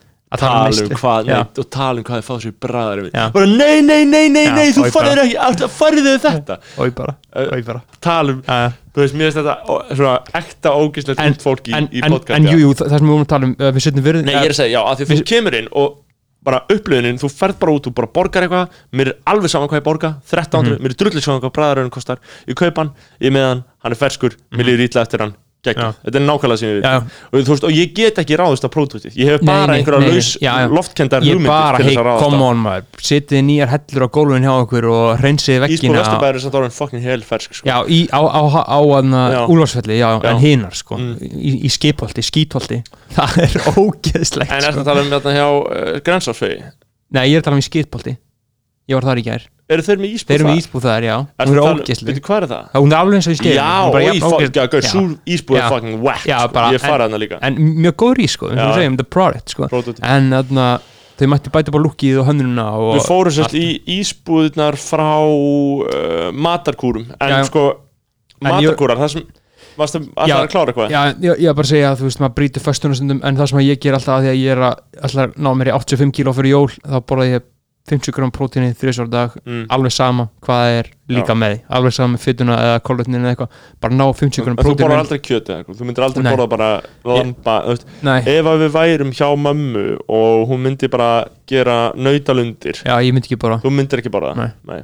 Að því að ég, það, ég bara hef ekki borðað kjöt í 2-3 ár Það og- yrði bara vont, Já, örugglega. það er bara viðbjöður Já, sko. ég held að myndur auðvitað bara ekki já, fíla já, því Ég að myndi bara það sko ég, ég horfði bara Eh, á kjöt sem eitthvað, eitthvað hlut sko. Já. en ég elskar fisk samt uh, Málið með matakúruna Það sem mér finnst þetta líka til marsum Ég meina 1990 Hún er að tala um hlutna sem voru inn í næturklúb ég meina matakúra, voru það ekki bara konur að svelta sig? Jú, en þú veist, mér finnst samt svona Mér finnst þessi listi um hluti sem eru inn a, Í kringum næturlífið árið 1990 Mér finnst hann Að vissu marki að vissu leiti mjög til marsum Hvað hlutin breytast lítið. Ég meina, já, þú veist þetta eru hlutir sem eru ennþá verið, ennþá verið að gera grína núna. Það er ennþá verið að gera grína að fólk að, að kynlíf sín, að hugleisla sín Mhm. það er ennþá verið að gera grína af jákvæðu hugafæru umhverfisvend það er ennþá verið að gera grína matarkúrum og friður og ást og hiphop. Skilur hvað við, matarkúra það er að gera grína keto. Það finnst Mhm. alltaf ekki að finna að gera grína keto skilur. En þetta er bara, þetta er búið að vera svona í 30 ára þegar heimurinn er ekkert að breytast. En dans er inn. Dans, já. Dans er ekki inn dans núna. er ekki inn sko. Jú, dans er rosalega sterkur á TikTok það sem ég er já, núna já, já, já, það er enda rétt sko. snýst allt um dans. Já, já. og ég sem bara neytandi ég elska að horfa á. Ég er mjög svag fyrir því þegar einhver dansar mjög vel við eitthvað ákveðið lag samkvæmt einhverju listformi. Að því ég tala náttúrulega um dróttkvæðin uh, að þetta er listform, þetta er TikTok dæmi þú veist, já, já, TikTok, TikTokið er hann að þú veist, marry me, ég veit ekki hvort það var að segja hann marry Ég- me, ég- ég- Juliet, you never have to be já, ég, ég bara Að- þegar, þegar fólk skilur þegar hún svona byður einhvers Já, og myndavælinn fer þá burt og séðan sækja ég, er? sé svona stjætta ofbeldist fólk á einhverju snekju að gera þetta. Já, einmitt, þau gerðu útfarslega þessu en þú veist, Mhm. þetta er, punkturinn er að við erum einað með eitthvað listform og það er allir að gera eins Mhm. hver gerir best, skilur, þetta er svo aðtælisverð hegðun og bara mm hegðun og svo gerir eitthvað fólk og ég elska, ég get hort að endalist á nýjum, útfarslum af þessu Mhm. uh, inn á TikTok, allt morandi í sem er lalalala. og þannig að dansa er inn að því marki og börnin, þau eru alltaf með þessar hreyfingar það komast einhverjum svona hreyfingar í tísku á þessu TikTok sem er Mhm. rosalega áhugavert hvernig sko internetið er beinlinis og því síðan, þú veist, börnin er alltaf TikTok í símanum, horfa TikTok. Þar er verið að gera einhver hreyfingar sem eru svona dab eða, þú veist, dab skildar hreyfingar beinlinis mm Mhm. börnin horfa á þetta allan liðlangan daginn og eru að prófa sér áfram sjálf með að gera svona myndbönd og reyna að vera með og prófa uh, að máta sín uh, persónulegu enginni að þessu. Og svo eru þau bara á fótballtæfingu eða bara í skólanum og þá eru þau alltaf hérna, eitthvað að gera þessar hreyfingar. Mhm. og maður hugsa bara ok, þú veist þarna er stafrætt veruleiki orðin bara veruleiki af því að þetta bara skilgreinir að hvernig þú ert sem líkami. Veistu hvað við? já, finnst þér ekki aðtilsvært að, að þetta geti bara veist, þarna er pingpongið á milli hins stafræna og hins raunverulega. Orðið svo rosalega mikið og bara börnin, þau myndu ekki hreyfa sig með sama hætti ef ekki væri fyrir þessa samfélagsmiðla sko. þannig að dans er inn en Jú, við bara vitum ekki að þau verðum svo fucking gamlir já, TikTok, ég er ekki komið ánga og ég I'm a sit this one out sko. Já, en það þýðir bara að setja orðin gammal já, já, ég, ég er bara sáttu Já. það er enda það, þú veist Trump að banna þetta, paldíka þetta er mikill fucking viðbjöður, skilur Trump bannar þetta út á Kína, skilur já, ég, Já, ég, sko, ég downloadaði TikTok út af því að allir voru að segja Kína var í njósta ég, ég vildi styðja TikTok. Já, já, ég mynd ég, Af því ég- ég er ég, pro vil, China. ég vil miklu frekar að sko, ríkistjórnin sé eitthvað að sleikja rassahárun á Xi Jinping en að hann sé, í standi 69 en með að sko. bara en það sem að gerðist með TikTok skilur, fólk fagnaði því Trump bannaði það, síðan inn, kynir Instagram um, Instagram Reel, bara TikTokið skilur, og síðan koma fréttur um það að Mark Zuckerberg eigi núna 100 miljardar skilur, að hann eigi núna 100 miljardar út af þessu. Út af því að stokkið í Facebook fór það mikið upp eftir að Trump er bara samsæri, skilur, Já. Trump bannar TikTok til þess að Zuckerberg og Instagram Facebook á Instagram fyrir það sem ekki vita samsæri til þess að Zuckerberg græði pening, já, þetta er viðbjöður ég, ég er samanlega þess. Vegna er ég að reyna að stiða TikTok. Uh, en já, hvað er næst? litrík föt. Já, ætli það sé inn að það er ekki inn. Nei, nei, fólk er frekar ímó á því sko. Ég, Um, ég myndi aldrei fara í litrík föt sko. Ég er alltaf einhverju gráu eða brúnu sko. Sami hér, íþróttir það er ekki inn heldur, Það er ekki inn sko. Það er svolítið whack Það er super duper whack að vera einhverjum vera, þú veist, vera í handbolta eða fótbolta já og bara öllu, þú veist. Já. bara þegar Fó- fólk er að segja manni frá eitthvað svo bara, "Ah, fucking haldi kæfti Já. það er alveg saman fucking íþróttneina já, já, við erum trull sko. Uh, friður og ást. Ne nefnir þetta sé eitthvað nett íþrótt skilur. En fólk er að æfa skil, skilmingar eða tennis eða eitthvað, cool skilur. En þú ert að æfa fótbolta með einhverju utandildalið eða eitthvað skilur. Og oh Mm. my god, ég get ekki hugsað með neitt með Er það inn núna? Uh, Já já, alltaf ekki. Uh, Íþróttaskór, það er inn.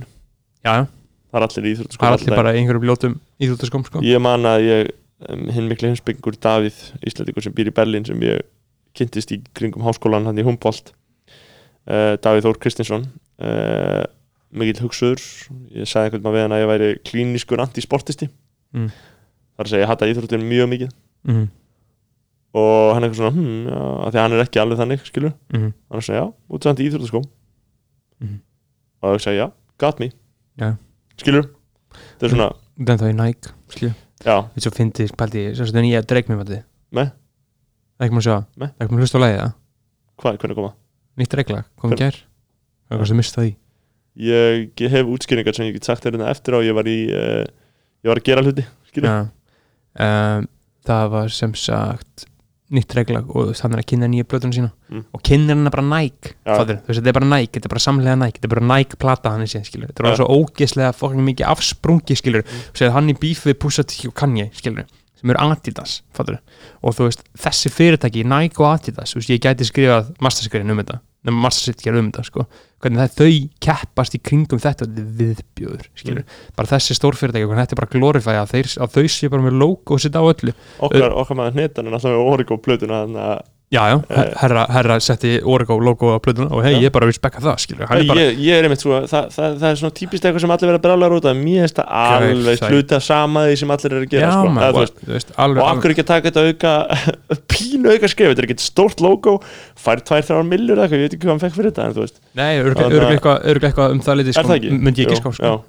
að og hei, bara, ég meina, að því að þú veist, menn eru kannski ekki alveg, þú veist, herra neytismur á börn, ég er að segja það, og íbúð, skilur hann þarf að fokkin borga reyninga, Hann- hann, hann er hann- ekki með gig. Nei, nei, og síðan lendir hann í því að hann kannski bókar bussaböl eða ásáttir í haust og það bara þurrkast út.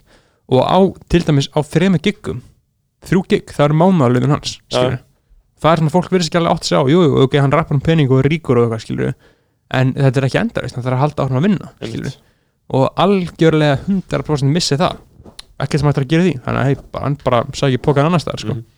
um, það voru íþróttaskór sem við sögðum að sem sagt, inn áfram Mhm. uh, þykk botna skór þeir eru, ég veit ekki hvort að þeir séu eitthvað mjög inn, kannski á gardinunum Þeikbótna eru sko, alveg verið einhverjar gardínur séu mitt í því sko. já, það er kannski mesta lagi þar svona Bu- Buffalo Pétur Jóhannsson skór sko. já Uh, síðan erum við með hip-hop að það var inn 1990, með svolítið aðtælisvægt að það Já. fari inn á hana lista einmitt, það er nefnilega svolítið, svolítið, svolítið, svolítið skrítið sko, þarna var alltaf komið almennilegt íslenskt rap sko. ekki að ég veit það sko, ég, það, þú veist, það var ekki komið rap á íslensku sko. kannski, Uh. kannski voru Subterranean byrjuð þarna ég er ekki alveg viss sko, Robby Kronig var ekki að byrja að sísla sko, en það er einmitt áhugavert að hip-hop hafi verið til að því sko þarna var, þú veist, þarna var bara NWA til Ice Cube komin, Public Enemy, Rakim, Big Daddy Kane skilur, Mm. það var aldrei orðin eitt svona almennilega mainstreams skilur, Nei. þarna var hip-hop bara mjög underground dæmi í bandaríkinum skilur, já, þetta, Þannig er, all... þarna er svolítið svona gert grína ef ákvæmt þú ert flottir, þú hlustar sem ekki hip-hop já, skilur. það, það er svona þannig sem ég skil þetta þarna er svona Def Jam að byrja sko með bara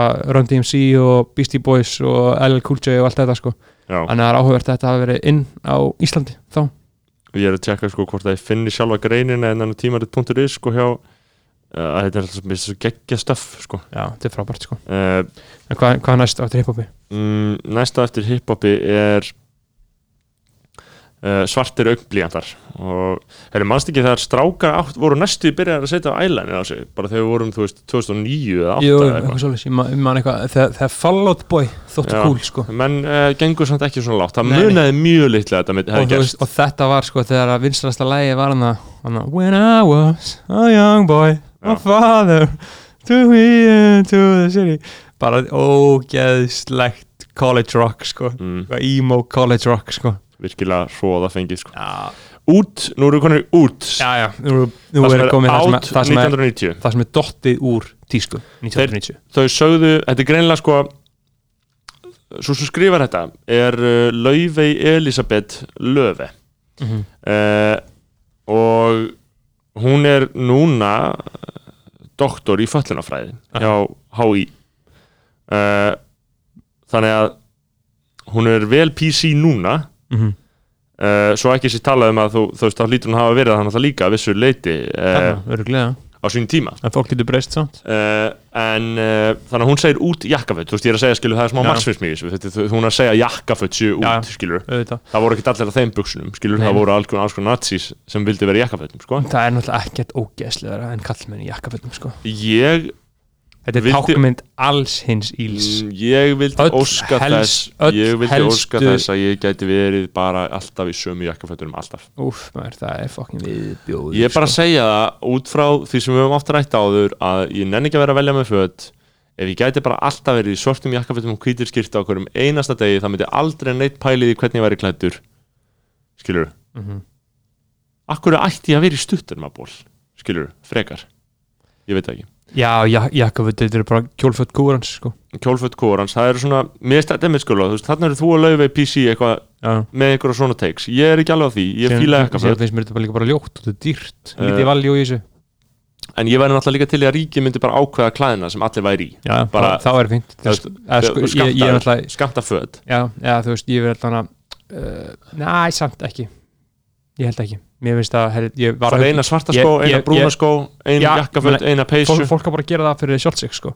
uh, og ég, ég, ég er búin að vera að vinna mjög hægt og rólega í því sko. mm. að finna mig bara minn einn einkennisbúning sko, sem er bara hvítu bólur sko. hvítu ból, gull keðja Mm. og bara eitthvað einfalda buksur og skór sko. Uppa kynnslóðin er út hvað er það? Uppar, þetta eru svona uppar bara í æfri stjættin samfélags, samfélagsins. Einmitt, einhverju svona uh, aristokratar Já, eða svona Svona- bara flotta fólkið sem er Já. eitthvað í í uh, auðvaldið já, eða svona bara eitthvað svona flott fólk sem er inn í fjölmilum og böngum eh, garðabæða fólk blöðum og, og svona eitthvað ógisleir uppar. Það er út, já, samlega því. Samla því maður. Uh, skyndi bita staðir þeir eru út. Já, ok. uh, það er aðeinsvert, ég meina að maður velti fyrir sér. Þú veist, er fólk ekki alltaf sko, ég er að fara að KFC núna eftir þáttun með Friðriki, ef hann fucking fucking beilar ekki. Hann er alltaf að fara að beila þig sko. um, en ég myndi segja að skyndibitastæði væri bara svona frekar ég meina PC vegan fytubólum var að elska einhvern PC vegan fytubólum að sko. Já, hvað segir PC vegan fytubólu fyr... Já. já ég, ég, ég, og ég elskar skyndibita. Já, ég er miklu spenntari þegar að fara að borða hann en ef ég er að fara að borða einhverja soðuna ísu skilur, mm. -hmm. hún er mónd maður. Ég borðaði svo góða svona djúbstekta ísu á Kings. Sko menn vita ekki og þetta er hérna uh, ókipis auðlýsing menn vita ekki að mesta valjúlandsins er að finna í sambandsappinu tveir fyrir einn á Kings Söðurlandsbrödd mm. og þegar ég segi Kings þá er ég að tala um austurlandska staðin Nings Mm. þar fæ ég mér djúbstekta ísu með fría áfælling á hriskunum fyrir 2190 deilt í 2 að því að 2 fyrir 1 sem að þýðir að ég er að borða um það byrj hálft kíló af fiski svona 70 gráma prótín fyrir 1000 kall Mm. og frí áfælling á hriskunum og súsata sósu og sweet chili sósu og sojasósu það er þetta vel gott. Já, þetta borða ég fjóru sinni í viku sko. Nings eh, Kings. Já, Draktir eru út að mati lögver árið 1990 já, Draktir, draktir eru átt sko. ég held að þeir séu bara að hafa dótt út þarna og séu það úti. Uh, Stríðshyggja. Eins og ég segi, Hva, hvað stríð voru í gangi hérna? Erum við talað um bara eitthvað Júgoslavíu stríð og eitthvað svona balkanska, eitthvað Armeníu shit eða? Ég er ekki alveg eitthvað svona dót sem að sagan segir mann ekkert. Eða þú veist, sem maður veit ekkert um. Ég held að ég sé ekki alveg í stöðu til þess að fullera um sko, hvaða stríð var að vera að rífast um árið 1990 Nei, það, hún var 25 ára þegar hún skrifaði þetta. Mér það líka svolítið flott. Þetta er sko meina, e, sterk grein. Já, eru, eru við ekki að tala um sko kaldastrið þannig að uh, því líkur þegar múrum fellur 89 Það er ekki rétt hjá mér. Sko herri, ég held að Herdís Þorgisdóttir hafi verið mamma þetta hafi verið rittstjóri heimsmyndar einmitt þegar þetta var sko. Ok, cool. Herdís sem sagt uh, fyrirhandi fórstafarbjóðandi já. Um, hvað varstu að segja með stríðið? Já, ég var bara að pæla hvort það var ekki að tala um kannski kaldastrið eða? Nei, ég meina, eða þú veist ég held að það sé ekki punkturinn þannig einmitt að því ég meina að þarna var náttúrulega múrin fallin og, og uh, menn töluðu svona á þá leið að kaldastriði væri búið sko já, ég veit það, það er svona, þú veist, það er nýbúið fyrir einu ári, skilur, Já, þannig En veist, það var alltaf ekki stríðshyggja að vera, ég meina, kaldastriði var bara þannig að það voru bara tvær fylkingar í þjóðfélaginu. Þú varst bara hægrið að vinstri, Mhm. mm -hmm. marki. Varst bara kommunist eða ekki. Já. er það náttúrulega að vissu leiti núna Já. ennþá, sko? En er bara bara ka ka kapitalismin sigraði, skilur Já, bara alveg tvímæla laust, sko.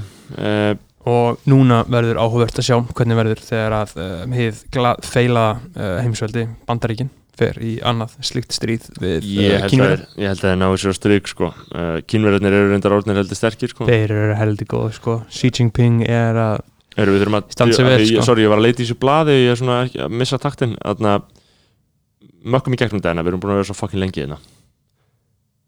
Drukkið fólk eru út. Það er mest út sem hægt er að vera í alheiminum sko. Er ekki nokkuð mikið samkomulega um það? Jú. Uh, Gasararnir. áfengi gas, fólk undir áhrifum áfengis það er fátt svona. Ég var, ég var að drakka í gær. Já, um, Ég var að drakka í gær Ég drakk svona fjóra, fimm drikki Sex drikki Uppliðu þingu í morgun. Mm uh, Og óheflut og ég meina ég hugsaði þú veist, já, ekkert endla alltaf verið að gera þetta þetta er, þetta er sálamál sko. Rík ég, ég mæli með að uh, þurka þetta út í lífi ef maður hefur tækifæri til þess. Já, ég Ef- ef maður hefur tækifæri til þess, sko. Rík frakkar uh, rík frakkar, er það ekki svona flassara, flassara jakkar Jú. jú, það er ógæð það er ennþá át, er það ekki? Jú, jú, það er fagin eins mikið át og hættur að vera sko. efnishyggja, það er, það hefur nú komið stert aftur maður, já maður, það hún er ríkjandi og það snýst allt um það sko. það er ekkert mikilvægra núna í dag til þess að líða aðeins betur í einskinni og einn líka að hugsa aðeins sjálfstætt.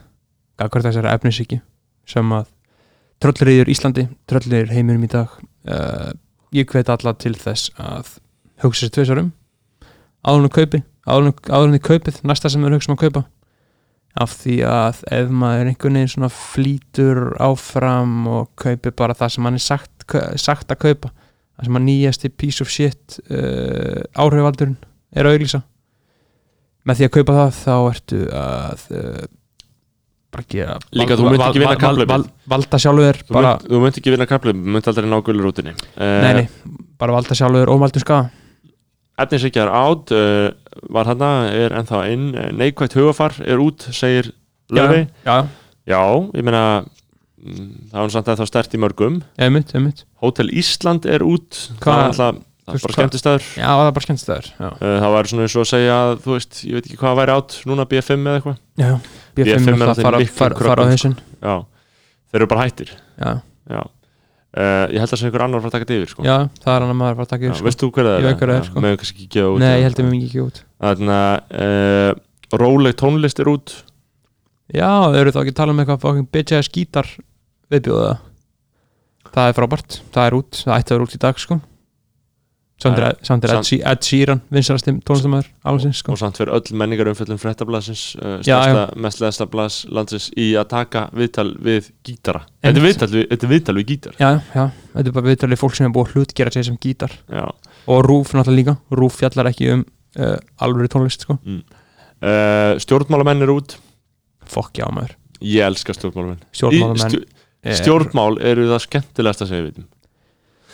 Stjórnmálamenn hins vegar uh, eru oft svona óþarflega, óþarflega ídolíseraðir sko, eins, eins, að- eins, eins og Obama skilur, hann er bara stríðsklæpmaður og uh, konan hans Michelle uh, hún var að byrja með podcast núna og ég get ekki hlusta á neinn podcast á þess að það sé auglist sko. Við erum að lendi í þessu þau eru svo ógislega. Sko, ég hugsa svo og ég, ég, og ég hlusta sko, á þáttin sem þau voru saman Fannst það ekki pyrrandi hvað hennar inngang og langur? Vákaði var reyður út af uh, Ég hugsaði sko, við verðum að hætta að vera með inngang í hlaðarpinn okkar Því ég hugsaði með, hörðu þetta sko. Sko, ég, ég man bara þú veist, þau voru bara eitthvað, eitthvað love you love you honey. Þau eru Og bara einhver bara- hræðilu leikara oh, Ég. Held að það séu hvað bara eru föst þau, hvað vilja þau? What the fuck maður? Þeir eru alltaf bara fucking stiðsklæpa menn og. Sko málið er að Stjórnmálamenn uh, eins og óba, þú veist, þau hafa verið ídolísir svo ógeðslega mikið, Já, já, og bara af fjölmjölunum og svo ráðast allir á Trump minn Einmitt. mann, sendi ég myndbandi af uh, lestinni sem fyrir genn þorpið. Nei. Guð, þú verður að sjá þetta, beti, ég skal sína þetta. Við getum jafnvel við veitum jafnvel sko uh, sko þarna, En já, ég var að hlusta á þetta uh, Ég hlusta á eitt þáttan af Michelle Obama podcastinu sko. Skelvilegt Það var svo smeðjulegt. Liberal, liberal já, já, já, já, það var bara Sæl. bullshit. Við erum með þetta ég held að heyrist í Já, er þetta avantgard Trump-mimbandi? þetta er þetta er svona lest. Já, Þessu- veist, ég ætla að lýsa, ég ætla að vera með leik, bara leiklýsingu þannig að það heyrist. Þú veist, maður sér núna maður sér til að byrja með er það lest sem gengur í gegnum þorp og það stendur Trump og Maga á lestinni. Trump, Pence. Lestin þrumar í gegnum þorpið skekur allt hristingur í þorpinu. Trump lestin farin í gegn og eftir á lestatörnum fylgir Joe Biden I got hairy legs. Og þetta er svona, þú veist hvað heitir þetta sem hann ábæki? hann er á svona, uh, Vegasalt hann er á svona, þú veist, lestadæmi þú veist, þú getur ferðast um á lestatenni með því að svona pumpa þér sjálfum áfram. og þetta er svona, þú veist, punkturinn er að Trump makalestin er Keyrir. risastór og þrumar í gegn. Og, svo hann reykur lestina. svo rekur Biden lestina sem einhver svona starfsmæður á einhver svona litlum lestapalli up and reach in and pull and rub my leg down. So it was trained and then watch the hair co- come back up again. og svo, svo, svo er, þú veist, veist Biden litli vagnin, skilur, hann er eitthvað að reyna að pumpa sér áfram og það er verið að spila svona hljóð upptöku bull á honum. Og það sem ég finn, finnast er að það sem að na, það sem áverða bílnúmerið sko þar, þar stendur Your hair smells terrific. Hann er alltaf að gera svo mikið úr eitthvað er mikill perri. Já. og þið hlusti áfram að það sem núna þú veist, er haft, er bæ, þú veist, að ég held bókstala að ekki allar þessar setningar sagði Biden, þetta er bara búið til Já. í deepfake. Og þú veist, og síðan kemur heyrir maður í Biden sagði, So I learned about roaches. I learned about kids jumping on my lap. And I've loved kids jumping on my lap. wow maður I love kids Hann- jumping on my lap Hann er í alveg að ásaka Biden um batnanið hann er bara að keira á Já. old Sleepy Joe Já, uh, en sko málið er Trump er uh, allra viðbjóðslegasti ógeðislega afskræmi af manni sem uh, Já, hefur ég- gengið á plánutur í jörð og hefur valdið bara mennsku samfélagi ómældum skada sem verður aldrei fyrirgefin. Já. en Joe Biden er slæmur sko, en hann er skári Joe Biden er tölvert, tölvert skári Mm, ég er samanlega uh, en bara fyndi myndband. Já, já, Eh, já, já, þetta er mjög fyndið minnband sko. Joe Biden er náttúrulega bara allilega sko, hann er bara að segja þetta bara Come on man, come on man! come on man! Done so much for the black community. Hann er svo, come on man! Váka að fyndi það, sástu þarna að Tucker Tucker Karlsko Tucker Karlsson tók tók, þarna, come on man! fyrir. Nei, þarna veistu þetta come on man, skilur, ertu að vísa í það já, að það, ég, ég, ég er bara að vísa í þetta mím bara come on man. Já, if you, if you ain't voting for me, you ain't black. You ain't black You ain't black. sæði lestur kóti heimi. Já. uh, þarna Tucker Karlsson uh, En það er náttúrulega bara kostningar í haust og það verður mjög áhugavert að fylgjast með þeim. Náttúrulega Biden er búinn að uh, velja Kamölu Harris Mhm. sem uh, var fórstæfni sitt og þá verða uh, fólk, þá verða uh, stríðshrjáð, verða stríðshrjáðar þjóður fyrir þeim heiðri að vera uh, sprengdar upp í tætlur af Mm. konu en ekki kalli í þetta skipti. Þannig að það er bara frábært. Ég er að reyna að finna Carlson some, Come on man. Uh, að Því að hvað var þægilegt að við værum með eins og Sölvi Tryggva eða Joe Rogan Þú veist, Já. eða Sölvi Tryggva er alltaf ei Kitty, nefnir að þú veist, segja alltaf einhver gauð sem heitir Kitty Já. sem var að gera allt svona. Og Joe Rogan er alltaf, hey, pull that up please. Pull that up. Pull that up. En við erum bara frekar í staðin sjálfur að grænda þetta maður svo Whatever. Uh, Við verðum að klára listan. Við erum búin að vera hérna Ég er hann þunnur Mér líður illa Og ég er þunglindur Og ég er komin á hérna, netið. Já, að höldum við svo áfram. Hva, hvert voru gónir? Stjórnmálumenn eru út Pinnahælar eru út. Hvað eru stelpur? Í hverju stelpur núna? Bara, gæti ekki sagt þér það sko. Ég hef ekki hugmynd. Það er ekkert eitthvað það mikið í pinnahælum sko. Nei, nei, Það eru mikið bara í striða sko Á deminu sko. Pottet sko, ég bara Eh. þekki það ekki sko. Ég sé ekki pinna heila nema þegar það er eitthvað svona smá tilefni þú veist, ef þeir eru að fara í útskrift eða þú veist, eitthvað þannig mm þá fara þær í uh, svona þykka hæla. Það fara ekki í pinna hæla, þá fara Nei. þær í þykka hæla. Uh, það ekki ekki sko. og erum með varalit uh, staðir sem loka klukkan þrjú. Þeir eru út, ég meina COVID-19 er náttúrulega bara að setja strikki reikningin í já. þessu. Það væri mjög fínt ef að ég, ég sakna Jamsins smá sko. Já, ég það væri gaman að geta kíkt sko. Það væri einmitt frábært það væri bara opið til þrjú ég sko væri svo ógeðslega til í að taka einhverja rúnda á prikinu sko. Það væri heldur gaman sko. Ég uh, saknaði smá sko.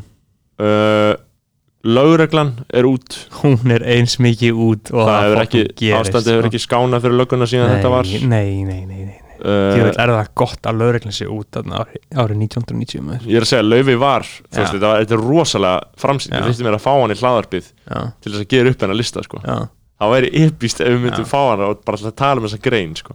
Mhm. af því hún er alltaf hefur örugglega frá miklu að segja uh, lögreglan er út sportbílar er út. Já. þeir eru ennþá út. Shit maður, þú getur ekki keftir hamingju Það sem er- sportbíl sko. það sem er legendary er til dæmis ég veit ekki hvort ég hafi sagt frá því áður í hlaðarpinu það er þarna La Feria í Sevilla. Mm uh, vorháttíðin -hmm. uh, það sem allir koma saman eru í tjöldum og bara algjör svona fucking Sevillana stemning. Mm borða tapas og drekka áfengi og djúbstek, djúbstekta rækjur. Uh, og spánverjar að, tala saman. Uh, Já. Þar er sko í Sevilla er mjög vilsælt að þú sparir allt árið pening þú veist, ef þú ert bara að venlulegu fólki komin þetta, þetta, þetta, þetta er svona söður spænst snopp þetta snýst svo ógeðslega mikið um hverju flottastur. Mhm. og þá sparar allt árið bara að geta leiktir sportbíl á Þú veist, getur þú séð fyrir þér eitthvað sem er sorgleira Það er En þetta- nei, nei, ég held að þetta sé það sorglegasta sem ég eða bara að allra þú veist, topp 5 upp á listanum af sorglegustu hlutin um. og einhvers að leia þér bíl ein- til þess að þykjast að, og einhvers staðarinn í þriðja fjórasætti hefur ekki séð svona gauðra sem að fara eitthvað til Vegas eða París eða Jú. eitthvað og leia sér sportbíl Já. í, skilur 15 mínútur Já. fá að keira í 15 mínútur. Um mitt þú veist ég bara, ég, ég, mér finnst eiginlega ekki neitt. Þetta er bara svo fjarrir mér. Uh, þetta er grátlegt sko. út eru ósón eðandi efni. Þarna var náttúrulega já. en þá vandamál. Einmitt en þú veist, þarna var Al Gore mikið að tala um það já, sko. en ég myndi að þau listu það mál bara. Já, já, skilur, þau bara einmitt. tóku bara og Og listu málið. og, og pældi ég að Al Gore var að gera þetta. Og þarna, við vorum alltaf að tala um South Park. Mhm. og það eina sem að South Park hafa noktið að beðist afsökunar já.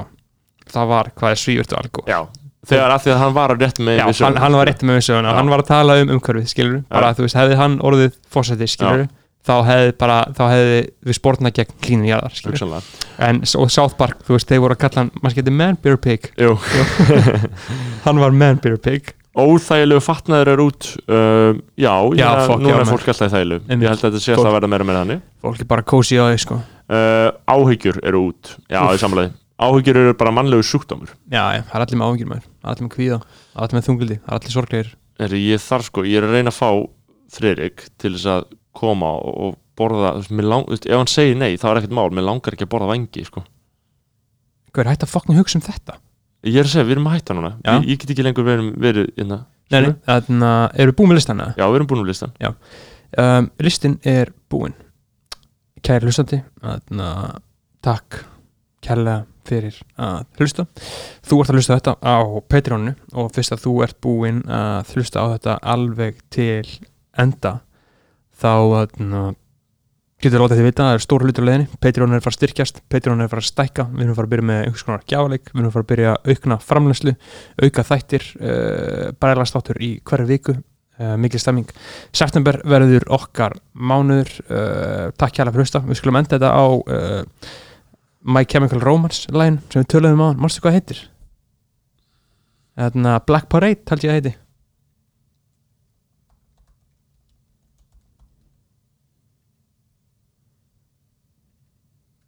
erum að henda það í gang. Takk hjá fyrir að hlusta uh, njóti Byrst afsökunar að hefði minni þetta alveg í endan en, en bara þið veit ég elska ykkur. Og þó ég geta valla ég geta valla When I was a young boy, my father took me into the city to see a marching band. He said, Son, when you grow up, would you be the savior of the broken? the beaten and the damned. He said, Will you defeat them, your demons, and all the non believers, the plans that they have made? Because one day I'll leave you a phantom to lead you in the summer to join the Black Parade.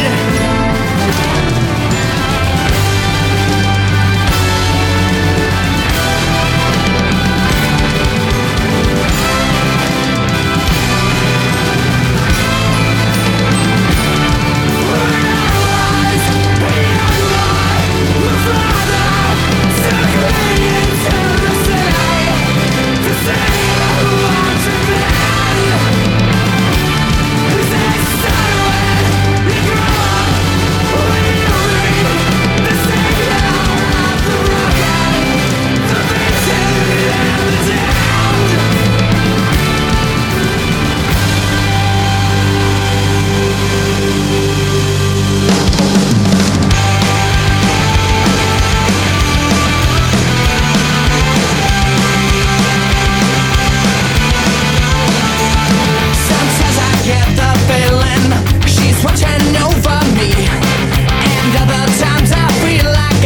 cow